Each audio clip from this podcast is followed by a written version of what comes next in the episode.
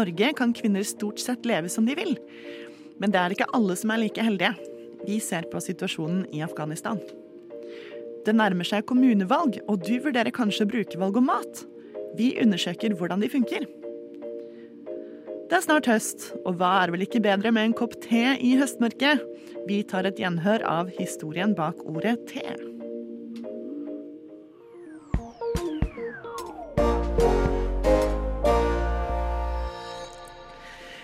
God fredagsmorgen, og endelig er vi i Opplysningen 99,3 tilbake på lufta. Jeg heter Amalie Sundby, og med i studio har jeg med meg to gode venner. Rune Årskog. Og Alexander Klyve Gudbrandsen. Vi har eh, alle tre, tror jeg, gleda oss veldig til å være tilbake. Eh, Absolutt. hva har du gjort i sommer, Alexander? Jeg har slappet av masse og ja, nytt det som var av sommervær. Det var jo ikke så veldig mye, men eh, man må ta de mulighetene man får. Selv om det har Jeg kan aldri huske det har regnet så mye. Men eh, ja, jeg har i hvert fall prøvd å bli klar da til et nytt semester i det siste. Og hva med deg, Rune? Jo, mye av det samme. Jeg har jobba også en del. Vært eh, nattevakt. Det er overraskende slitsomt. Man ødelegger liksom hele resten av dagen og, og de dagene som kommer som det skal være på natt. Så det er litt slitsomt. Men da har det vært deilig at det har regna, for da får jeg faktisk sove. Det er ikke så varmt. Men generelt sett skulle jeg hatt litt mer sommervarme. Syns det har vært litt, litt lite. Litt lite, absolutt. Ja, jeg syns det. Jeg, jeg har ikke helt hatt sommer, ass. Jeg, jeg kommer fra Stavanger, og jeg syns det har vært dårlig. Jeg synes det har vært i Oslo. Liksom. Og det, det sier litt. Ikke sant? Og jeg er født i Bergen og bodde der eh, til jeg var seks år gammel, og allikevel syns det var dårlig her. Det har jo vært mye bra òg, da. Det var bare helt på slutten at det ble mye regn. Nei, hele, Nei, ju- hele ja. juli. Hele august. Ok, da kanskje jeg bare har fortrengt juli. Her er det noen som syns glasset er halvfullt, og andre som syns det er halvtomt. for å si det sånn. Ja.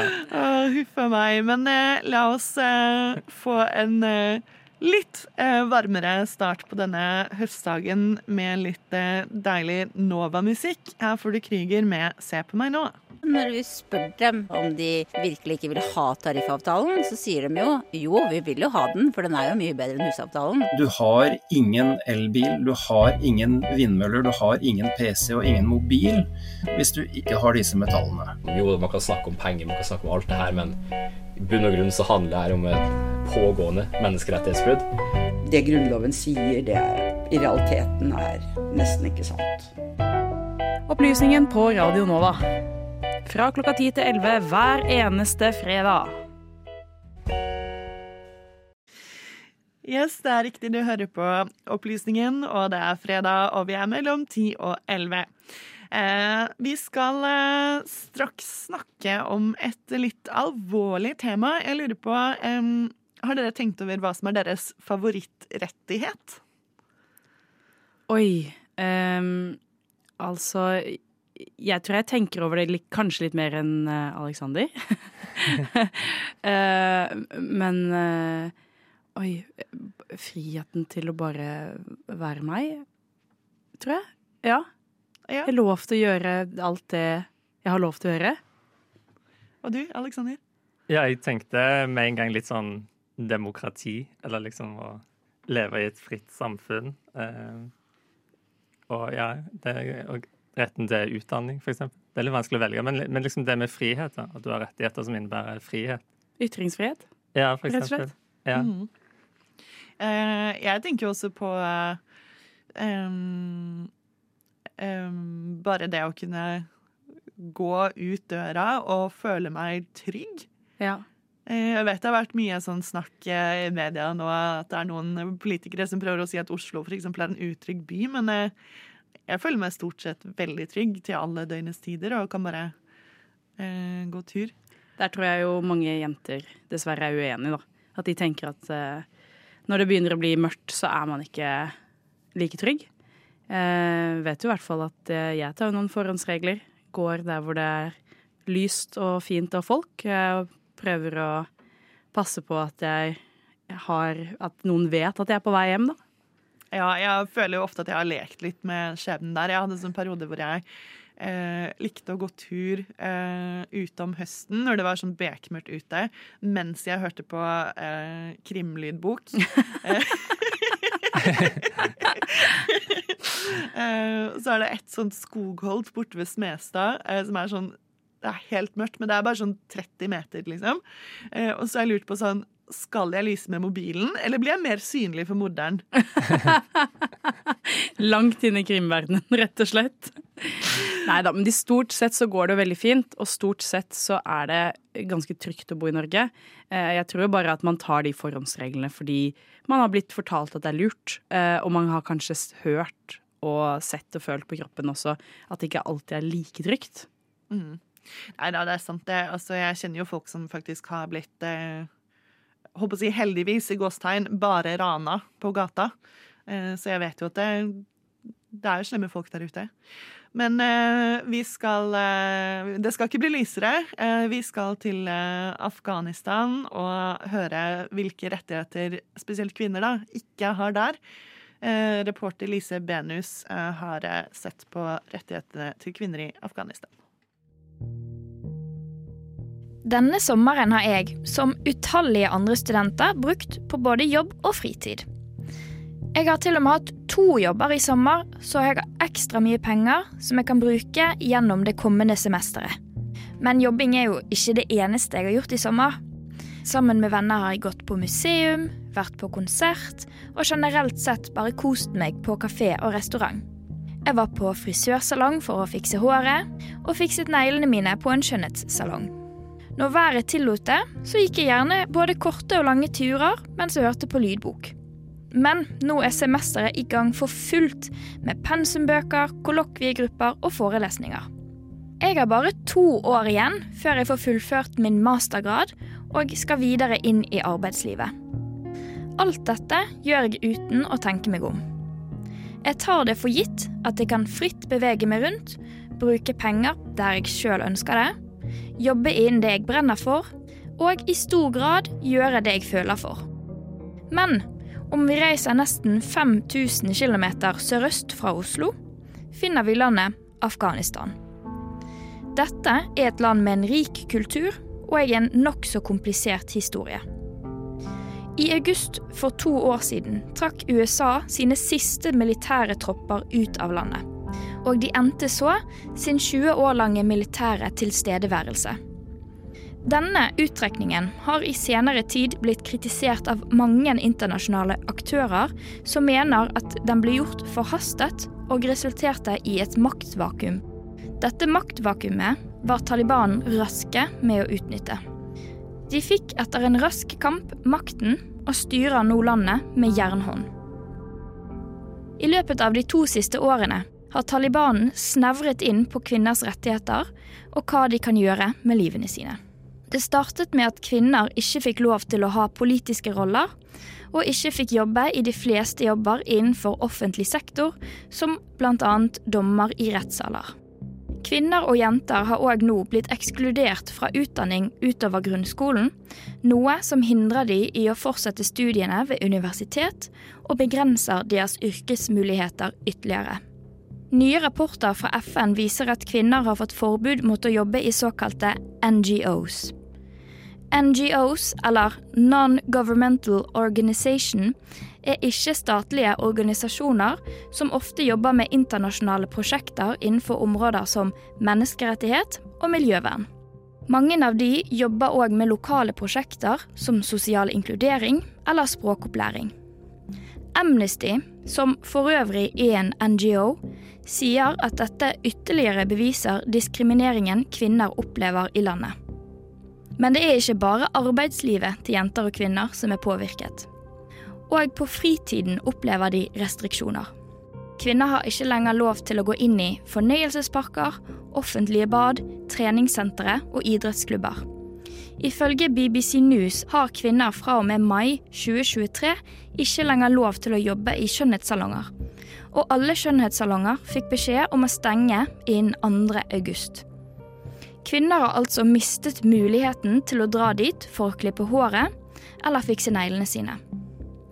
Anonyme kilder forteller til BBC at de ble sjokkert da de hørte nyhetene, og at skjønnhetssalonger var et av de siste offentlige stedene kvinner kunne møte andre kvinner uten en stor tilstedeværelse av menn.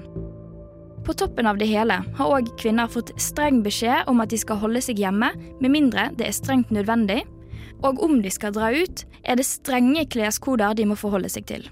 Skal de reise lengre enn 72 km, som er omtrent så langt det tar fra Oslo og til et kort stykke forbi Jevnaker, under en times kjøretur, må de ha med seg en såkalt maram. En mannlig eskorte som kan være en bror, en far eller en ektemann. Kvinner som bryter med disse strenge retningslinjene lagt ned av Taliban, risikerer bøter, fengselsstraff, og ifølge Amnesty er det òg en risiko for tortur og annen mishandling fra både offentlige instanser som politi og privat i hjemmet.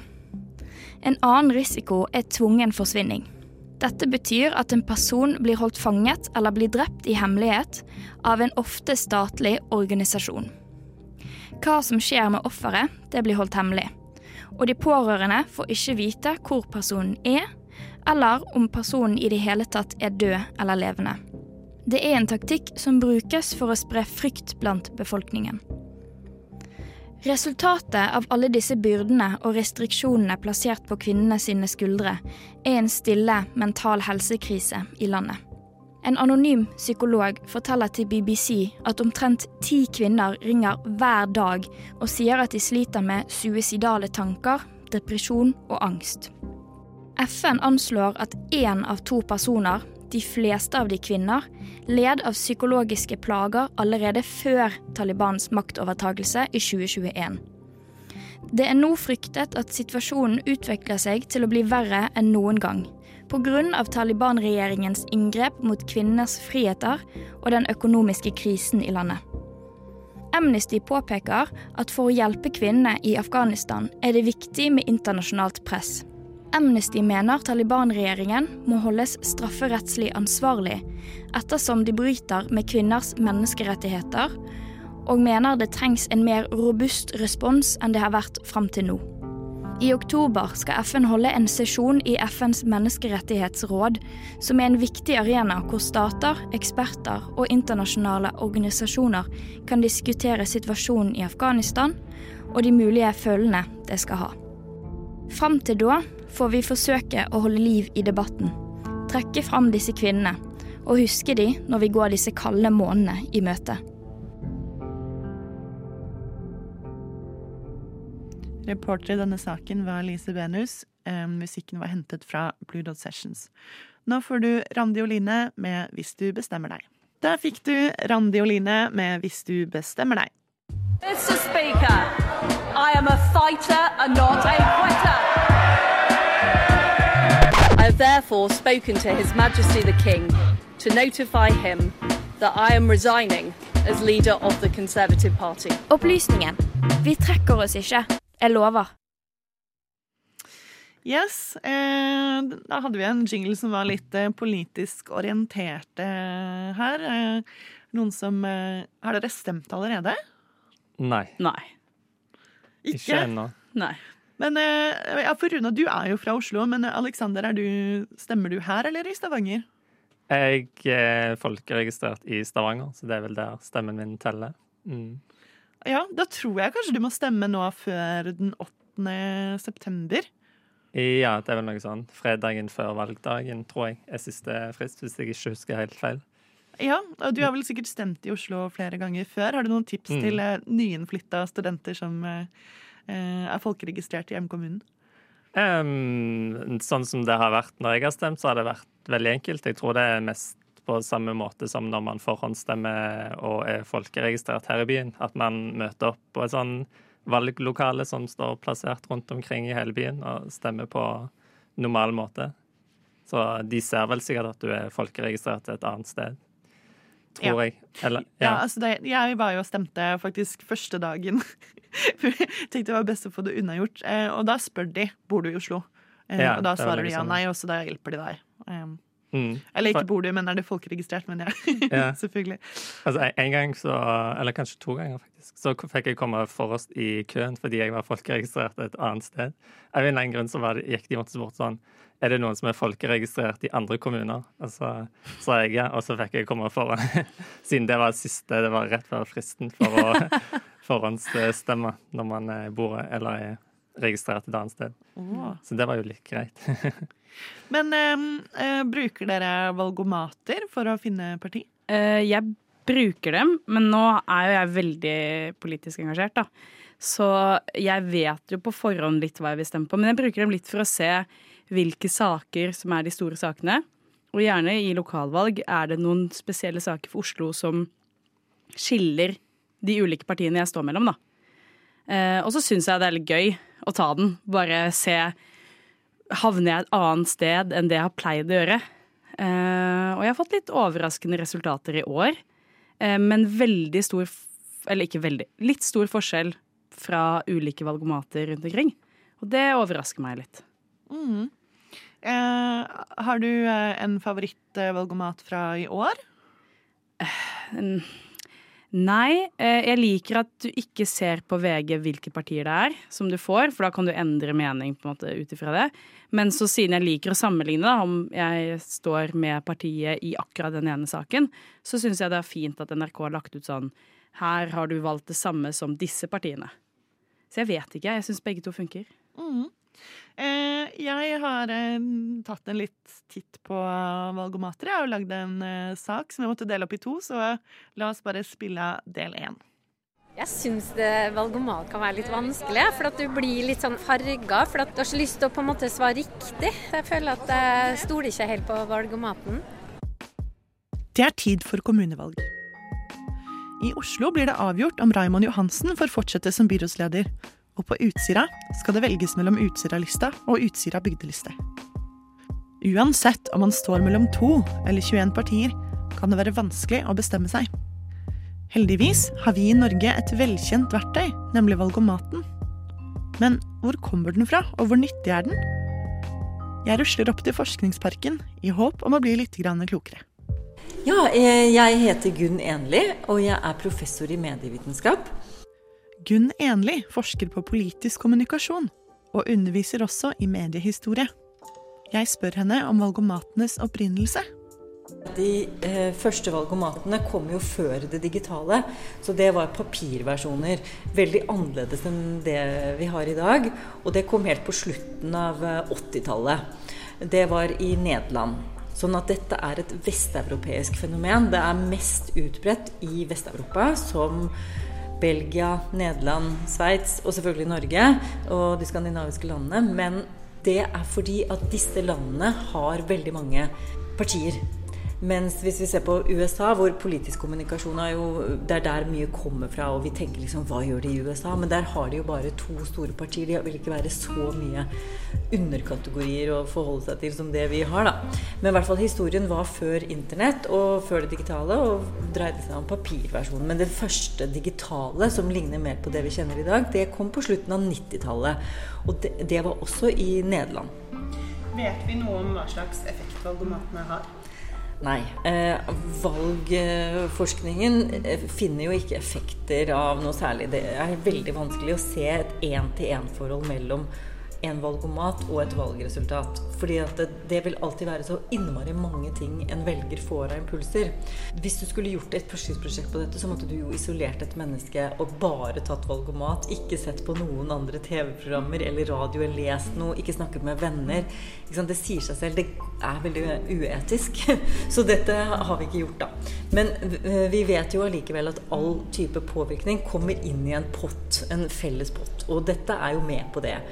Det som er Funksjonen til valgomaten det er jo ofte å gi litt informasjon og korreks og sette det hele i perspektiv. Og mange tester jo stemmer det at jeg skal stemme på Arbeiderpartiet. Stemmer det at jeg skal stemme på Høyre? Å nei, det stemte ikke, så tar de en gang til. Men disse valgomatene går jo på veldig konkrete spørsmål. De går sjelden på sånn overordna ideologi, sånn syns du alle skal få like goder osv. Det, det er mer sånn konkret hva syns du om den og den saken. Vil du ha økt barnetrygd, eller vil du ikke? Vil du ha lavere priser på kollektivtransport, eller vil du ha hyppigere avganger? Og det er jo valg som man må tenke litt konkret på. Og i de konkrete valgene så vil du få et svar som eh, kanskje du ikke alltid er helt fornøyd med. For det var ikke det partiet du trodde du skulle stemme. Og da vil du eh, i liten grad følge valgomaten slavisk. For å finne ut mer om spørsmålene i valgomater traff jeg en som har jobbet mye med å utforme dem. Jeg heter Arne Lovs Christiansen, og jeg jobber som politisk journalist i Aftenposten. De siste to årene har jeg jobbet med Oslo-politikk, primært. Mens Arbeiderpartiet stuper på meningsmålingene både nasjonalt og lokalt i Oslo, melder NRK om at Raymond Johansen er målt til å være den mest populære kandidaten for å lede byrådet. Vitner dette om en sammenblanding av nasjonal og kommunal politikk? Kan valgomatene være med på å tegne opp et skille? Altså, det er jo et lokalvalg. Det er jo politikerne i bystyret vi skal velge nå. Så vi har forsøkt å Altså når vi skal velge spørsmål, så er det først og fremst de spørsmålene som, som avgjøres i Oslo som vi, som vi er opptatt av. Men det er også noen unntak. F.eks. har vi tatt med spørsmål om Ullevål sykehus, eh, som jo primært avgjøres eh, nasjonalt. Eh, men fordi det er en såpass viktig sak for veldig mange i Oslo, og fordi også Oslo, de politiske partiene i Oslo har vært sterkt inne og, og jobbet for, for, sine syn her, så har vi tatt med det. Og et par andre spørsmål, også f.eks. russpørsmålet om Oslo skal ha sin egen rusreform. Selv om Aftenposten har tatt flere runder med politikerne i utviklingen av valgomaten, er det ikke alle som er like fornøyd med tanke på hvilke partier som er med.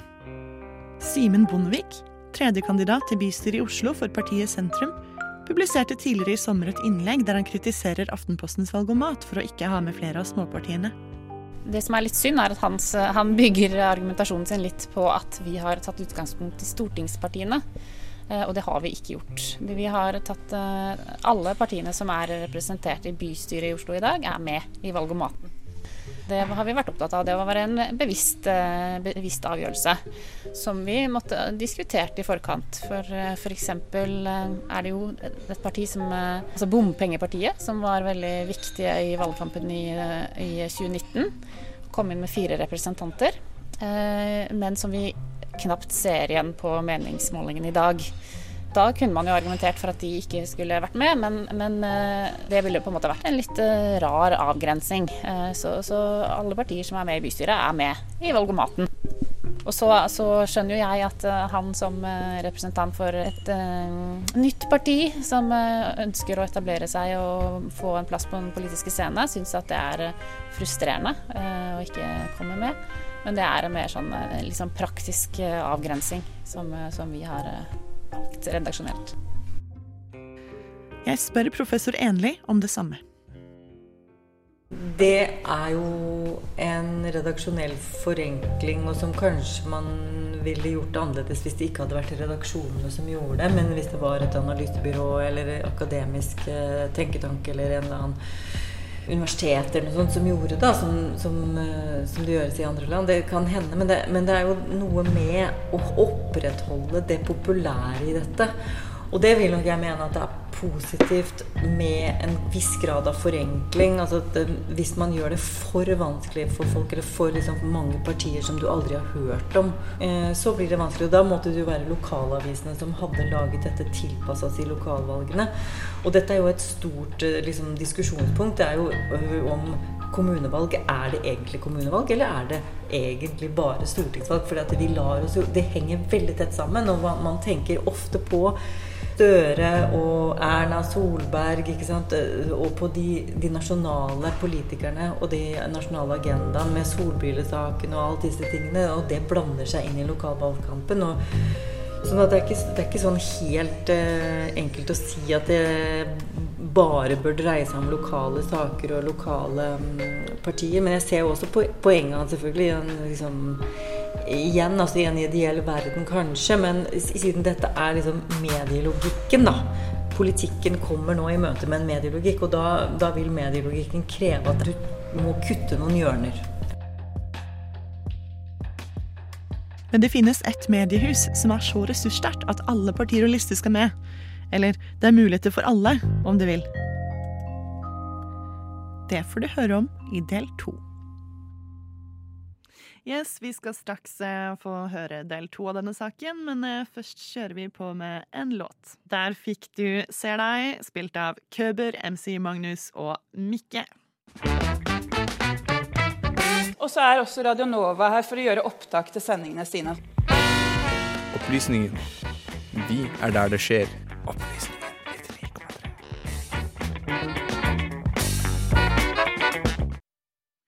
Jeg ser ikke noen grunn til å utsette, så vi kjører bare rett på med del to av saken om eh, valgomater. I forrige del refererte jeg til et ressurssterkt mediehus. Hvem er det som har 13 distriktskontorer, sa du? Jeg heter Håvard Grønli, til vanlig politisk journalist og programleder i Politisk kvarter, men i forbindelse med valget så jobber jeg med eh, NRKs valgomat og lokalvalgguide. Håvard er prosjektleder for det som sannsynligvis er landets mest omfattende valgomat, på nrk.no. Her er alle landets kommuner, valglister og partier representert. Jeg spør hvordan en valgomat kan måle politisk tilhørighet. Europeisk politikk blir jo gjerne analysert eh, ut fra liksom ulike akser som eh, uttrykker liksom interessemotsetninger i et samfunn. Eh, det som folk flest kjenner som den, den viktigste aksen, er jo liksom høyre-venstre-aksen i politikken. Sant? Man ser eh, Man tenker på venstresida i politikken, og man tenker på høyresida i politikken, som ofte står mot hverandre. Det, det er Jonas Gahr Støre eller Erna Solberg. Og det uttrykker jo en forskjell i synet på økonomisk politikk. Sant? Hvor masse skatt skal det være, hvor masse skal være offentlig, hvor masse skal være privat. Og det er på en måte den mest definerende skillelinjer da, i norsk politikk. Våre valgomatspørsmål eh, tar hensyn til det, og så stiller vi mest spørsmål som egentlig handler om høyre-venstre-aksen. Men så er det andre, eh, andre interessemotsetninger som blir speila i politikk, f.eks. Eh, der økonomisk vekst står mot eh, naturvern eller miljøvern. Innvandringsaksen er jo altså, Partier har streng eller liberal innvandringspolitikk på ulike sider av høyre-venstre-aksen. sant? KrF er mer enig med SV i innvandringspolitikken de er i økonomisk politikk, f.eks. Så det spør vi om. Og så spør vi en del type verdispørsmål, liksom om man har tradisjonelle eh, verdier eller eh, verdier som er mer liberale, da. Eh, F.eks. type syn på kjønn er en sånn type spørsmål. Uh, ja, hva har jeg glemt da? Sentrum og periferi er jo en sånn problemstilling som var veldig tydelig i forrige valg, der Senterpartiet gjorde det veldig, veldig bra og var en type distriktsopprør i Norge. Der det interesser uh, i distriktet står mot interesser i byene. Så i sum da så sørger vi for å ha en valgomat som spør spørsmål til alle som tar den, som berører alle disse områdene. Og da mener vi at vi, når vi klarer det, da måler vi godt. Så var det dette med de konkrete spørsmålene igjen. Et av spørsmålene jeg fikk da jeg tok NRKs valgomat, var om jeg likte store veier jeg kunne kjøre fort på. Som en som holder på å ta lappen, men som også er tidligere medlem av Natur og Ungdom, så opplevde jeg det her spørsmålet som litt urettferdig og vanskelig. Hvorfor det? Altså Det er mange politiske spørsmål der det ikke er så mye uenighet. Eh, og det kan være riktig å skrive om og gi oppmerksomhet, men ikke en valgomat. For en valgomat skal på en måte vise skillene mellom partier. Så der det er full enighet, der, um, det spør ikke vi om. Også det vi gjør metodisk, er jo at vi, vi gir alle partier som vi plasserer, vi gir dem disse spørsmålene, så hører vi hva de uh, syns. Og så i 98% av tilfellene så er vi enige om hvor et parti skal være plassert. Altså så av og til eh, så er vi kanskje litt uenige, og så diskuterer vi det. Men, eh, men det, det er forankra med, med, de politiske partiene. Og så, så, har vi vært opptatt av i år at vi også stiller noen altså, Alle spørsmål tar ikke sitt utgangspunkt nødvendigvis i politiske partiprogram. Vi har en del spørsmål som tar utgangspunkt i litt sånn større verdier. Da? Vi spør om motorveier og, og, og, syn på kjønn og en del sånne ting som er litt mer overordna. Som sier hvor du, hva som er dine verdier, hva du vil ha av et godt samfunn. Eh, og så har vi utfordra partiene på å plassere seg sjøl på de skalaene der. Og det har sikkert gjort litt vondt av og til eh, for noen av dem, men eh, vi har klart å plassere dem uten, uten stor konflikt.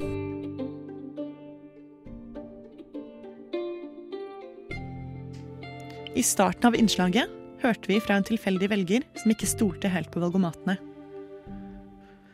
Og da er det heller ikke sikkert vi skal gjøre, iallfall ikke blindt. Jeg lar Håvard Grønli få det siste ordet. Jeg er opptatt av at uh, folk uh, bør ta valgomater. De bør ta flere. Uh, og de, selv om jeg så klart mener våre best, men, men, de er litt ulike, og det tror jeg har stor verdi. Og så er jeg veldig opptatt av at folk skal ikke tenke at en valgomat er en fasit. En valgomat er et innspill. Og det som en valgomat ikke måler, er jo f.eks. i hva grad har du tillit til et parti, og liksom, i hva grad tror du på personene som stiller til valg for, for de partiene. En valgomat måler politiske eh, standpunkter på, på, saker og verdier, men den måler ikke alltid politikken. Så du skal ta valgomater, men du skal eh, ta det med forsiktighet. Du skal ta med det som et råd før du stemmer.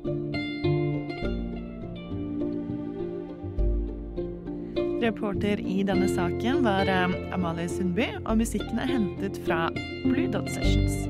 Nå kjører vi på med litt mer eh, musikk. Her får du Ringa Tiger, Hørlurar og Solodans.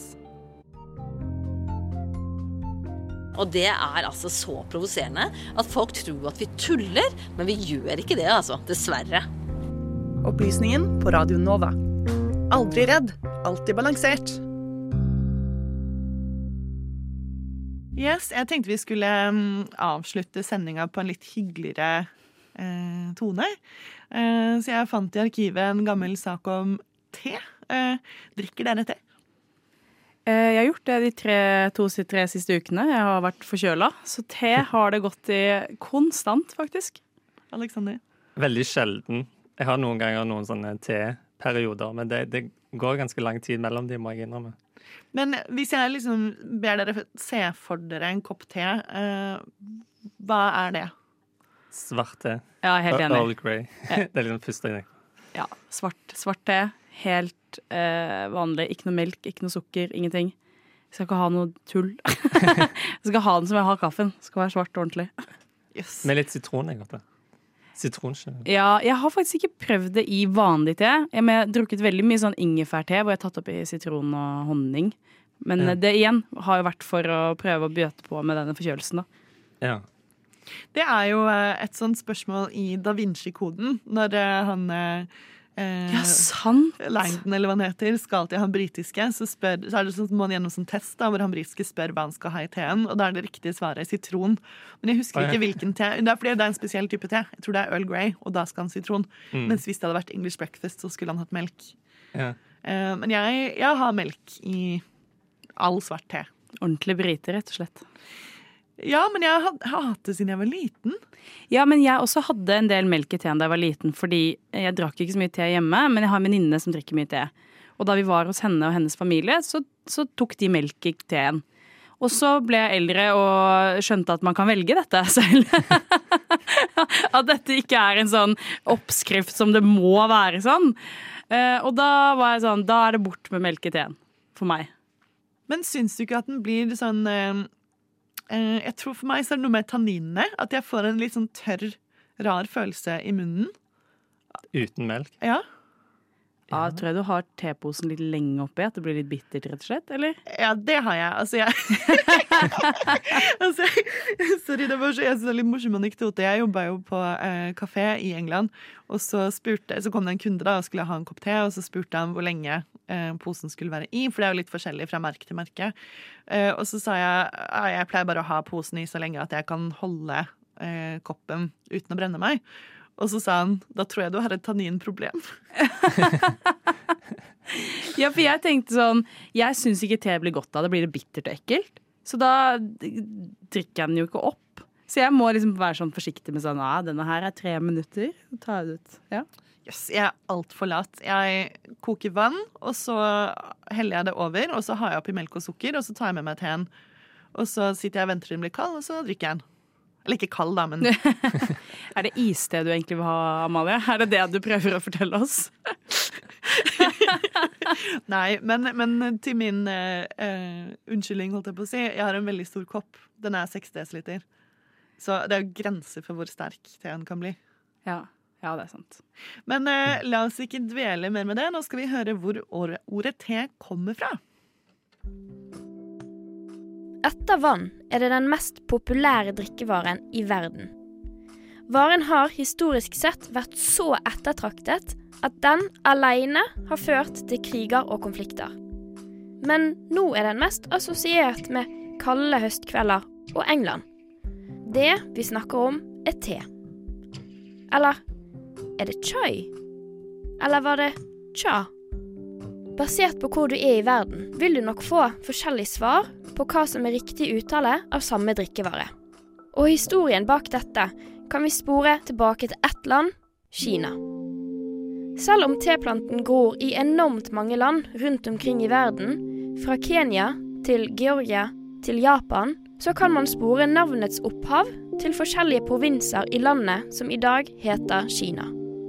Før det åttende århundre eksisterte det ikke et eget ord eller tegn som beskrev planten. Te ble gruppert sammen med en rekke andre urter og planter som har blitt drukket eller spist for sine medisinske evner. Denne gruppen med urter og planter ble kalt for tu. Grovt oversatt betyr dette bitter plante. Men i år 760 under Tang-dynastiet skrev en forfatter ved navn Lu Yu en bok som ble kalt The Tea Classics. I denne boken forteller Lu Yu alt som fortelles kan om te. Alt fra tedyrking til tekultur. Dette er den første historisk nedskrevne kilden som refererer til te, og te får her sitt eget tegn i språket. Ordet stammer fra det gamle ordet for planten tu. Årene går, og drikking av te ble mer og mer vanlig for befolkningen i Kina, og tegnet for te blir òg i større grad tatt i bruk. I et så stort land som Kina så finner man òg et hav av dialekter.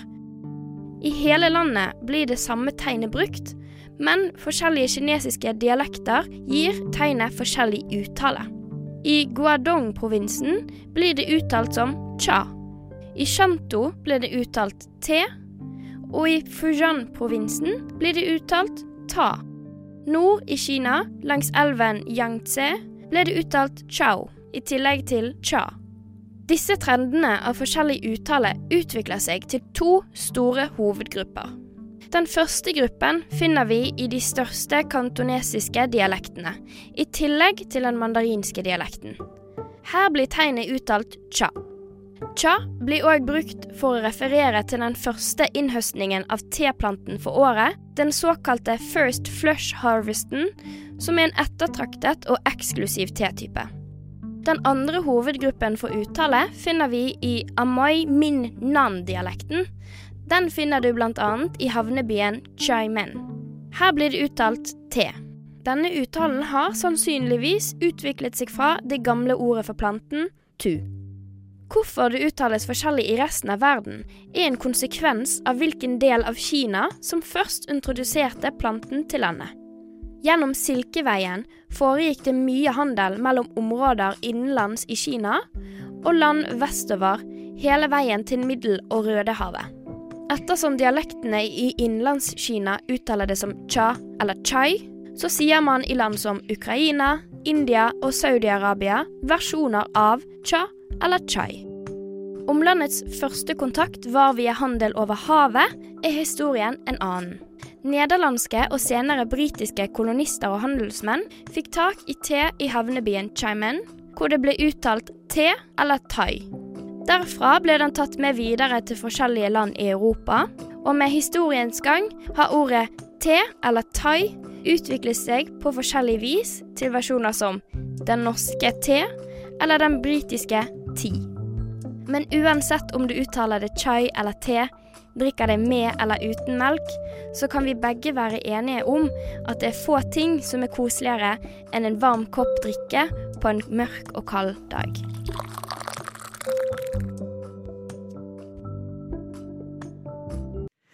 Reporter i denne saken var Lise Benus. Eh, nå skal du få en eh, låt av et band jeg liker kjempegodt. Her får du Ekkolodd med to pinner. Du hører på Opplysningen. Opplysningen. Opplysningen. Opplysningen. Opplysningen. Opplysningen. Hver fredag mellom klokken 10 og 11. På Radio Nova.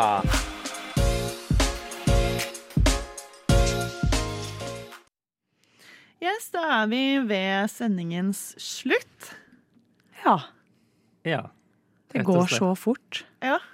Det er jo alltid det. Var det digg å være tilbake på lufta? Veldig. Mm, absolutt. Veldig. Em, hva er det vi kan glede oss til neste uke, Sander? Har ikke du noe på lur? Jeg har noe på lur, men det er ikke helt eh, klart ennå hva det blir, så det blir veldig Ok, spennende. Så vi får bare sitte og bite negler og Ja, mm, vente i spenning. Skal, skal prøve å få til noe interessant. Noe som Ja, et eller annet veldig opplysningen verdig er jeg helt sikker på at det blir. Eh, hva skal dere i kveld? Eh, Jeg skal på middag med familien. Vi skal på en litt fin restaurant, så jeg gleder meg veldig. Særlig siden det er ikke jeg som betaler denne gangen. det er veldig fint. Og du, Aleksander? Jeg tror bare jeg skal slappe av litt. Ja. Eh, med jeg regner med at eh, jeg tar mitt vanlige vaskemaraton. Det er jo fredag. Det er det fredagen går til. Ja. Det er deilig før helg, da. Jeg syns det er veldig deilig å ha en leilighet før helga. Absolutt. Yes, men da eh, vil jeg bare informere om at eh, eh, medvirkende i denne sendingen har vært Lise Benus og meg selv, Amalie Sundby. I studio så har vi vært eh, Runa Årskog. Og Alexander Klyve Gulbrandsen. Yes. Ett år. Ett år. og meg selv, Amalie Sundby. Jeg har også forsøkt å ta teknikken i dag. God helg! God God helg. Nei, men Bertil, da! Ja? Har du glemt å høre den siste episoden av Opplysningen på Radio Nova? Har nok det. Men da kan du jo bare høre det som podkast når du vil. Å, det skal jeg jammen meg gjøre.